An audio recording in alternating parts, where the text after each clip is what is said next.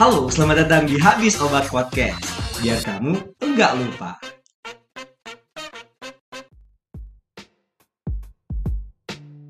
Halo teman-teman Habis Obat, senang sekali berjumpa lagi di podcast Habis Obat.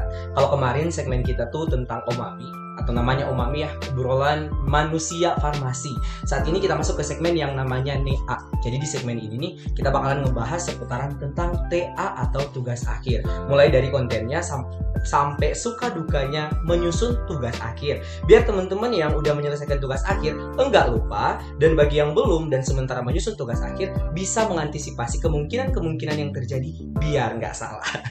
Oke, hari ini di segmen NEA kita akan sharing tentang selada, sayur yang bisa bikin tenang. Bener nggak sih itu?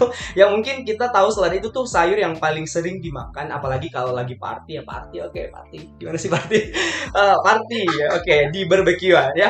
Oke, saat ini saya ditemani sama Caca, seorang lulusan D3 Farmasi dan saat ini juga sedang dalam tahap proses menyelesaikan pendidikan di jenjang S1 Farmasi. Halo Caca, apa kabar? Iman, halo semuanya.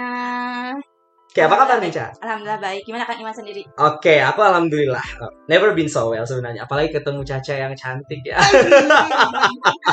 Oke, ini terima kasih banyak udah mau datang ke habis obat dan mau sharing hari ini. Oke, oh ya, gimana nih progres TA-nya yang sekarang? Dengar-dengar kemarin katanya udah sampai ke tahap eh, apa ya? 90 persenan lah. Proposal aja belum gitu ya. Oh iya. Semoga cepat-cepat ya 90% persen. Oke, amin. Insya Allah secepatnya ya. Ya, Nanti besok insya Allah udah S-Farm nih. Amin. Oke, oke.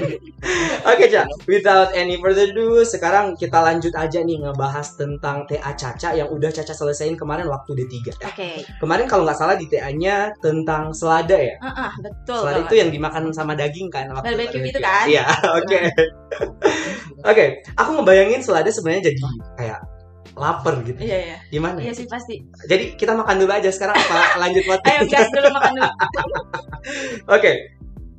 Oke, jadi judulnya kemarin apa sih kalau boleh tahu? Waktu Judul kemarin itu adalah kajian literatur potensi daun selada laktukasatipa sebagai sedatif dan hipnotik gitu. Oke, hipnotik dan sedatif Mm-mm. dari selada nih. dari selada. Jadi melakukan kajian literasi gitu. Nah, iya dari jurnal-jurnal gitu. Iya, betul. Oke. Oh ya, Cak, kemarin kenapa nih sampai kepikiran buat ngambil judul penelitian yang itu? Nah, jadi kalau kita ngambil judul penelitian, Hmm. pasti awal mulanya adalah kita harus ngangkat satu masalah. Masalah Nah, ya, benar. Kita harus nyari masalah gitu ya. Nah, si masalah ini tuh kita bisa hadirkan dari lingkungan kita sendiri gitu ya, lingkungan sekitar. Nah, gak tahu kenapa tuh masalah ini, masalah insomnia Oke. terbesit di pikiran saya gitu ya, ketika melihat teman-teman seperjuangan semester akhir gitu yang kerjaannya setiap malam adalah overthinking gitu sampai-sampai dia nggak ngerjain apa-apa gitu tapi tidurnya tetap aja jam 2, jam Iya, 3 gitu. Terus eh, sekarang ini sebenarnya ada suka nonton itu nggak sih? Gosip-gosip. Eh, enggak sih sebenarnya. Gimana ya? Apa gosip apa nih? Siapa tahu muncul tuh di di Instagram kan, di Iya, explore di gitu. Instagram tuh ada. Jadi ada anak seseorang nggak tahu DPR nggak tahu apa. Hmm, Terus dia di headline beritanya dia Hmm. meninggal karena apa? Karena begadang. Jadi emang oh, oke. emang sekompleks itu masalah tidur ini gitu. Oke. Jadi itu adalah masalah yang aku ambil ya. Mm. Insomnia gitu Insomnia. awalnya. Jadi dari selada gitu. Nah, kalau nyambung ke selada, Mm-mm. pastinya kita harus cari dulu nih, research dulu. Mm. Nah, dimulai dari masalah tadi insomnia, terus kita research mengenai karena aku masuknya kelompok farmakologi, Mm-mm. maka cari obatnya lah. Oke, Nah. ya benar. Di mana obatnya itu adalah si sedatif dan hipnotik ini. Oke, untuk mengatasi insomnia. Nah, iya. Hmm, jadi di kalau kita ke dokter nih, misal aku insomnia nih, aku ke Nah. dokter biasanya dikasih si sedatif sama hipnotik ya, Bro? Nah, kalau ke dokter pasti dianalisis terlebih dahulu kan, Mm, pasti. ya, ya, ya. Nah, sebenarnya kalau misalkan ke dokter pasti terapi yang awal ada terapi non farmakologi dulu pasti sebenarnya. Ya, pasti benar. ya. Ya, ya. Nah, baru terapi farmakologi. Nah, memang untuk resep-resep banyaknya adalah golongan sedatif dan hipnotik ini. Tapi sekarang ini banyak banget gitu ya orang-orang yang kalau dia susah tidur minumnya apa? Coba CTM, Ya, ya benar. kan? Betul. Antihistamin gitu atau anti alergi. Iya. Nah, tapi itu merupakan suatu penyalahgunaan obat menurut aku. Kenapa? Karena yang awalnya tujuannya farmakologinya ke histamin gitu, ini dipakai buat tidur gitu. Iya. tubuh kita juga pasti punya toleransi gitu ya nah di mana ketika kita pingin efek yang sama gitu pasti harus ada peningkatan dosis terus menerus gitu Benar. nah di mana dosis CTM biasanya 4 mg gitu di mana Iya. kan harus terus terus menerus gitu ya untuk mendapatkan efek yang sama apalagi kalau udah Oke. ketergantungan nanti kalau kita alergi terus dikasih CTM udah nggak mempan Udah nggak mempan. Ah, Karena jadi CTM bahaya juga juga loh sebenarnya. Iya kan? Andalan kita banget. Iya banget tuh. Oke, jadi sebenarnya CTM itu yang dipakai sama anak-anak yang sekarang nih kalau seandainya lagi lagi overthinking, lagi insomnia dipakai CTM. Padahal sebenarnya itu kan nggak boleh. ya. Heeh. Bahkan banyak juga yang pakai kayak golongan lain kayak cetirizine gitu. Oh, gitu. Ya ya ya ya ya. Tapi aku kebanyakan dengernya kasus-kasus yang pakai CTM Ya, gitu. CTM. Oke. Jadi benar ya sebenarnya kata-kata orang tuh penelitian itu bukan hanya memberikan informasi kepada orang lain, tetapi juga membuka dan memperluas hasana berpikir si peneliti. Mantep banget sih Cak, kayaknya yang tadi itu yang kemarin ya, yang kemarin yang tentang Dua tahun lalu. eh, ya dua tahun lalu ya. Oke. Oke, Caca, Caca kemarin kan ngambilnya kajian literatur yang kata orang itu agak susah karena Nah. nyari-nyari jurnal, nyari-nyari sumber atau Hmm. referensi itu itu nggak segampang mencintai orang yang salah. Mantap Ya banget. nggak sih? kan kita gampang mencintai orang yang salah. Iya ya. Oke, gimana nih cara Caca untuk meyakinkan diri untuk mengambil penelitian yang bentukannya kajian literatur? Kenapa nggak meneliti di lab gitu? Oke. Boleh ini boleh ceritakan? Iya, cerita suka dukanya kemarin ya. Oke. Sebenarnya sejujurnya Iya. niat awal adalah enggak kajian literatur. Oke. Malahan sampai seminar proposal adalah laboratorium. Oh, Serius. Nah, jadi awal Hmm. mulanya itu adalah tahun 2019 kita justru proposal, tahun Hmm. 2020 itu adalah seminar proposal. Iya. Judulnya adalah laboratorium atau judul awalnya adalah uji aktivitas daun selada gitu ya sebagai sedatif dan hipnotik Oke. pada mencit, Mencit, gitu ya. iya, oke. Tapi setelah proposal tiba-tiba si COVID ini datang dan menghancurkan segalanya gitu. Oke. Sumpah, itu jadi kayak malahan Bandung itu zona merah, jadi kita nggak boleh ke kampus sama sekali. Di mana aku udah selada udah diekstraksi, dimaserasi, mencit udah disiapin, Ya alat Tuhan. bahan udah Ya, disiapin. oke. Tapi ya karena keadaan semuanya, mari kita jadinya kajian literatur gitu. Oke. Itu awal-awal masih adaptasi baru banget kan. Mhm. Jadi masih blank banget apa itu kajian literatur. Iya. Tapi ya sambil berjalan gitu ya, sambil kita cari eh, jurnal-jurnal, acuan-acuan, contoh-contoh, ya itu mengalir begitu aja. Nah, kalau masalah ke kajian literatur, Mhm. emang kunci utama kita harus rajin buat nyari literaturnya kan. Oke, ya pastinya. benar. Nah, cuman masalahnya adalah waktu itu karena awal niat laboratorium, Mhm. maka awalnya itu kan harus ada pembaruan-pembaruan, Ya, ya. maka kita nyari judul yang emang jarang di eh, Google Scholar itu kan. Oh iya benar. benar. Jadi emang judul aku ini emang ketika kita search gitu emang jarang banget yang meneliti. Malahan waktu itu di Indonesia kayak satu, cuman satu gitu yang ada yang aku temuin dan yang jurnal internasional juga cuman beberapa. Tapi eh, karena awal seminar proposal udah pasti udah searching searching itu nyari nyari ya akhirnya kita dapat beberapa jurnal itu kita olah dan dengan metode sistematik literatur review gitu. Keren banget. Jadi kemarin dapat berapa referensinya? Kemarin cuma dapat sekitar 15, jadi 15 data yang diambil Hmm. gitu kemudian dikaji Mhm. dan tujuan sistematik literatur review itu adalah untuk membuktikan atau iya membuktikan suatu aktivitas klinis gitu ya. Dalam hal ini ya sedatif dan hipnotik gitu. Jadi kan ada literatur review ada bermacam-macam gitu ya. Iya. Kayak ada sistematik, naratif, Hmm. deskriptif. Nah, kalau sistematik itu tujuannya kayak membuktikan suatu eh, aktivitas klinis. Oke. Nah, sedangkan kalau naratif lebih ke kayak rangkuman gitu, misalkan eh, aktivitas dari eh, tumbuhan A, maka kita nyari tuh aktivitasnya apa aja, gitu ya, rangkuman gitu ya. Kalau sistematiknya lebih spesifik ya, tujuannya yaitu lakukan sedatif sebagai sedatif dan hipnotik gitu. Oke, ya. Aku baru tahu nih sebenarnya nih eh, kajian literatur tuh terbagi lagi. Ada sistematik, ada naratif, Mm-mm. sama deskrip deskriptif Nah, ya. jadi tips Oke. buat teman-teman yang mau literatur review, jadi harus pastiin dulu nih apa sih sebenarnya gitu ya. Oke, itu ya teman-teman habis obat. Jadi pastiin mau ke mana nih kajian eh, kajian literaturnya karena ada ada terbagi lagi menjadi tiga yang tadi disebut sama Caca. Oke, eh, kemarin jadi suka dukanya apa nih Cak waktu eh, eh, melakukan eh, kajian literasi. Jadi kan nyari-nyari susah nggak sih sebenarnya?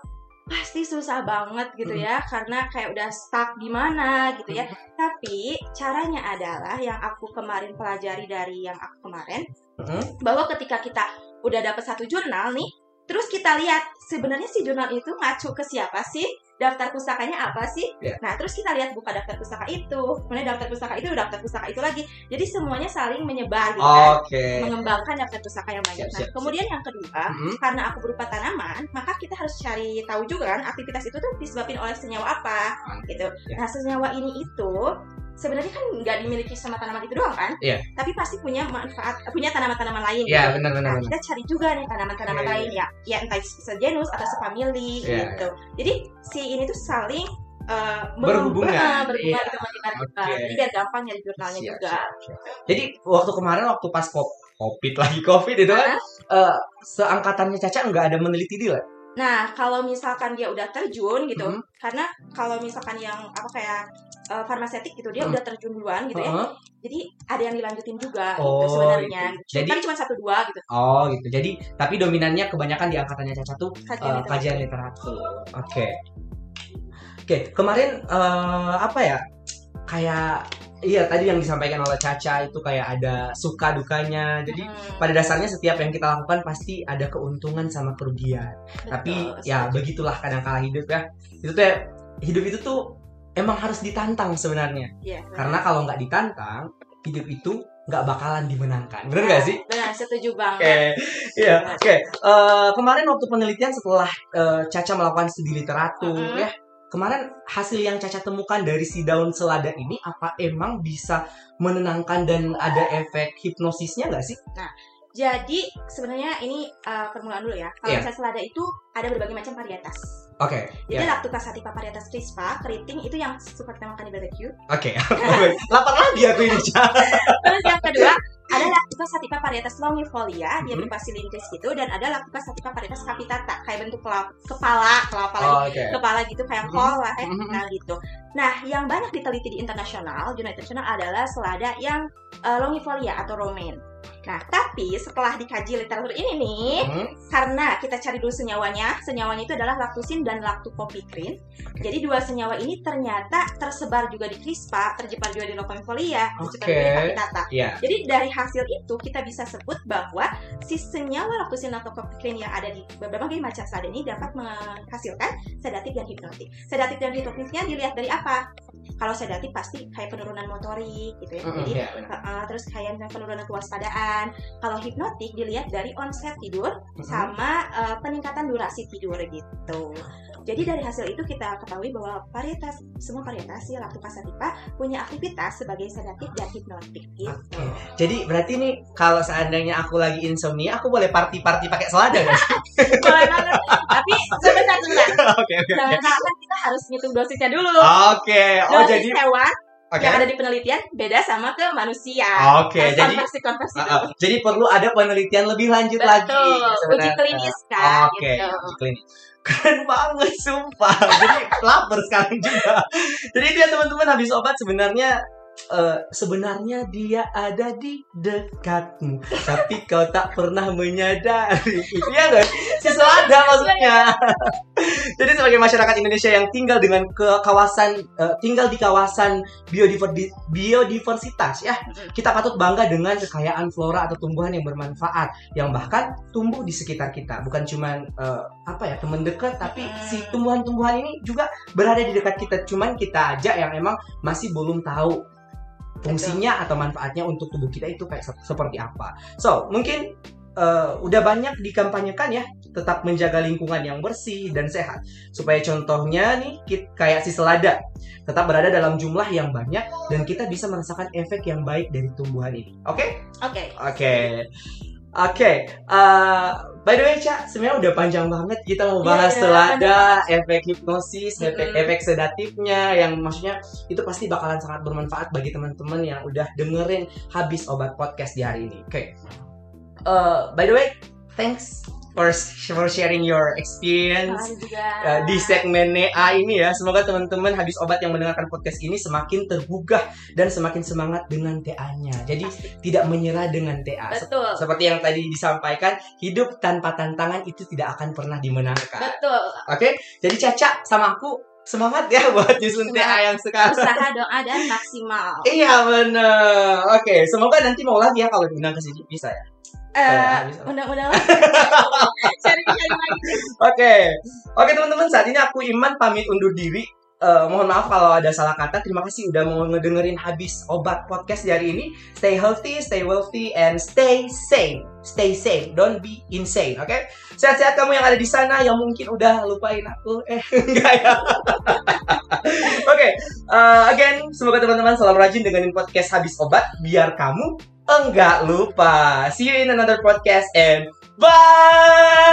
bye biar nggak lupa Biar nggak lupa. Bye.